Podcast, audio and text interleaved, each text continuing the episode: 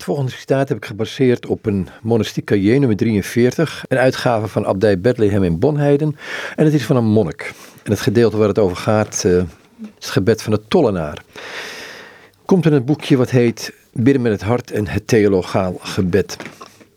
Het gebed van de tollenaar, dat zal ik nu voorlezen vanuit de herziene stadevertaling. En Jezus zei, met het oog op sommigen die van zichzelf overtuigd waren dat zij rechtvaardig waren en alle anderen minachten. Deze gelijkenis. Twee mensen gingen naar de tempel om te bidden. De een was een fariseer, de ander een tollenaar.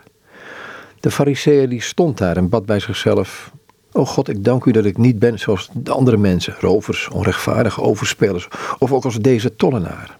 En dan vertelt hij wat hij allemaal doet voor mooie dingen. En de tollenaar, die bleef op een afstand staan en wilde ook zelfs zijn ogen niet naar de hemel opheffen, maar sloeg op zijn borst en zei, O God, wees mij, de zondaar, genadig. En dan zegt Jezus, deze man ging rechtvaardig terug naar huis, in tegenstelling tot de anderen.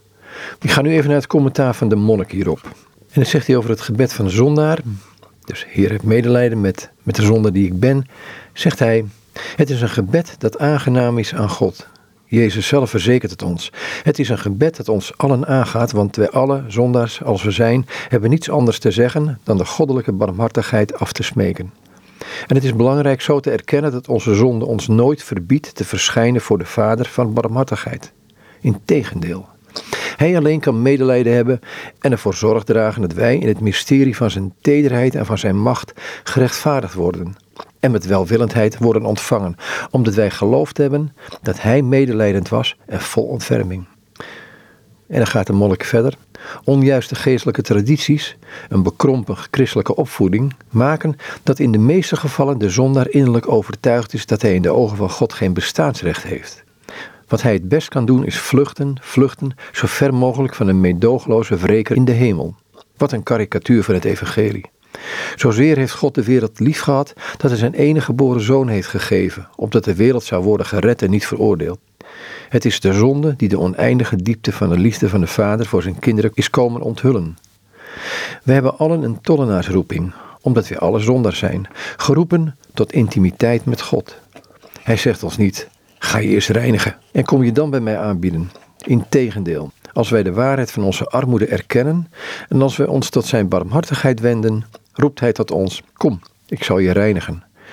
Kom in hart en heel de hemel verheugen. De paradox van de goddelijke liefde is zo sterk dat het mij niet overdreven schijnt te zeggen dat het gebed van de tollenaar voor ons de enige vorm van normaal theologaal gebed is.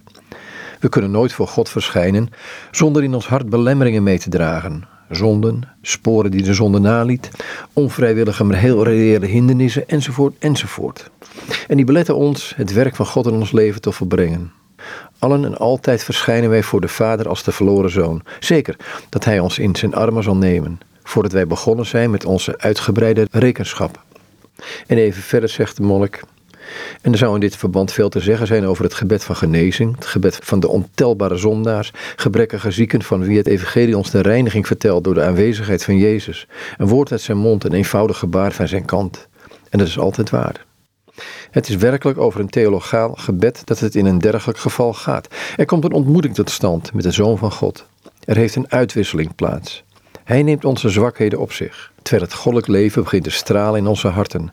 Het is niet alleen een troost die hij ons geeft, het is zijn eigen leven waarvan hij ons deelgenoten maakt.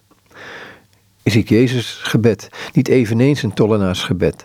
De tekst zelf is gedeeltelijk ontleend aan de formule die Jezus de tollenaar in de mond legt. Jezus, Zoon van God, heb medelijden met mij zondaar. Generaties monniken hebben geen ander inwendig gebed gehad. En dit heeft hen geleid naar de stille intimiteit met God in de diepte van hun armoede. Al dus een commentaar van een monnik. Een monnik die van het nodige valselijk beschuldigd werd. Zijn naam niet op het boekje heeft gezet, maar het boekje wel heeft geschreven. Bidden met het hart, het theologaal gebed. Het is een monastiek cahier, nummer 43, een uitgave van Abdij Bethlehem in Bonheiden.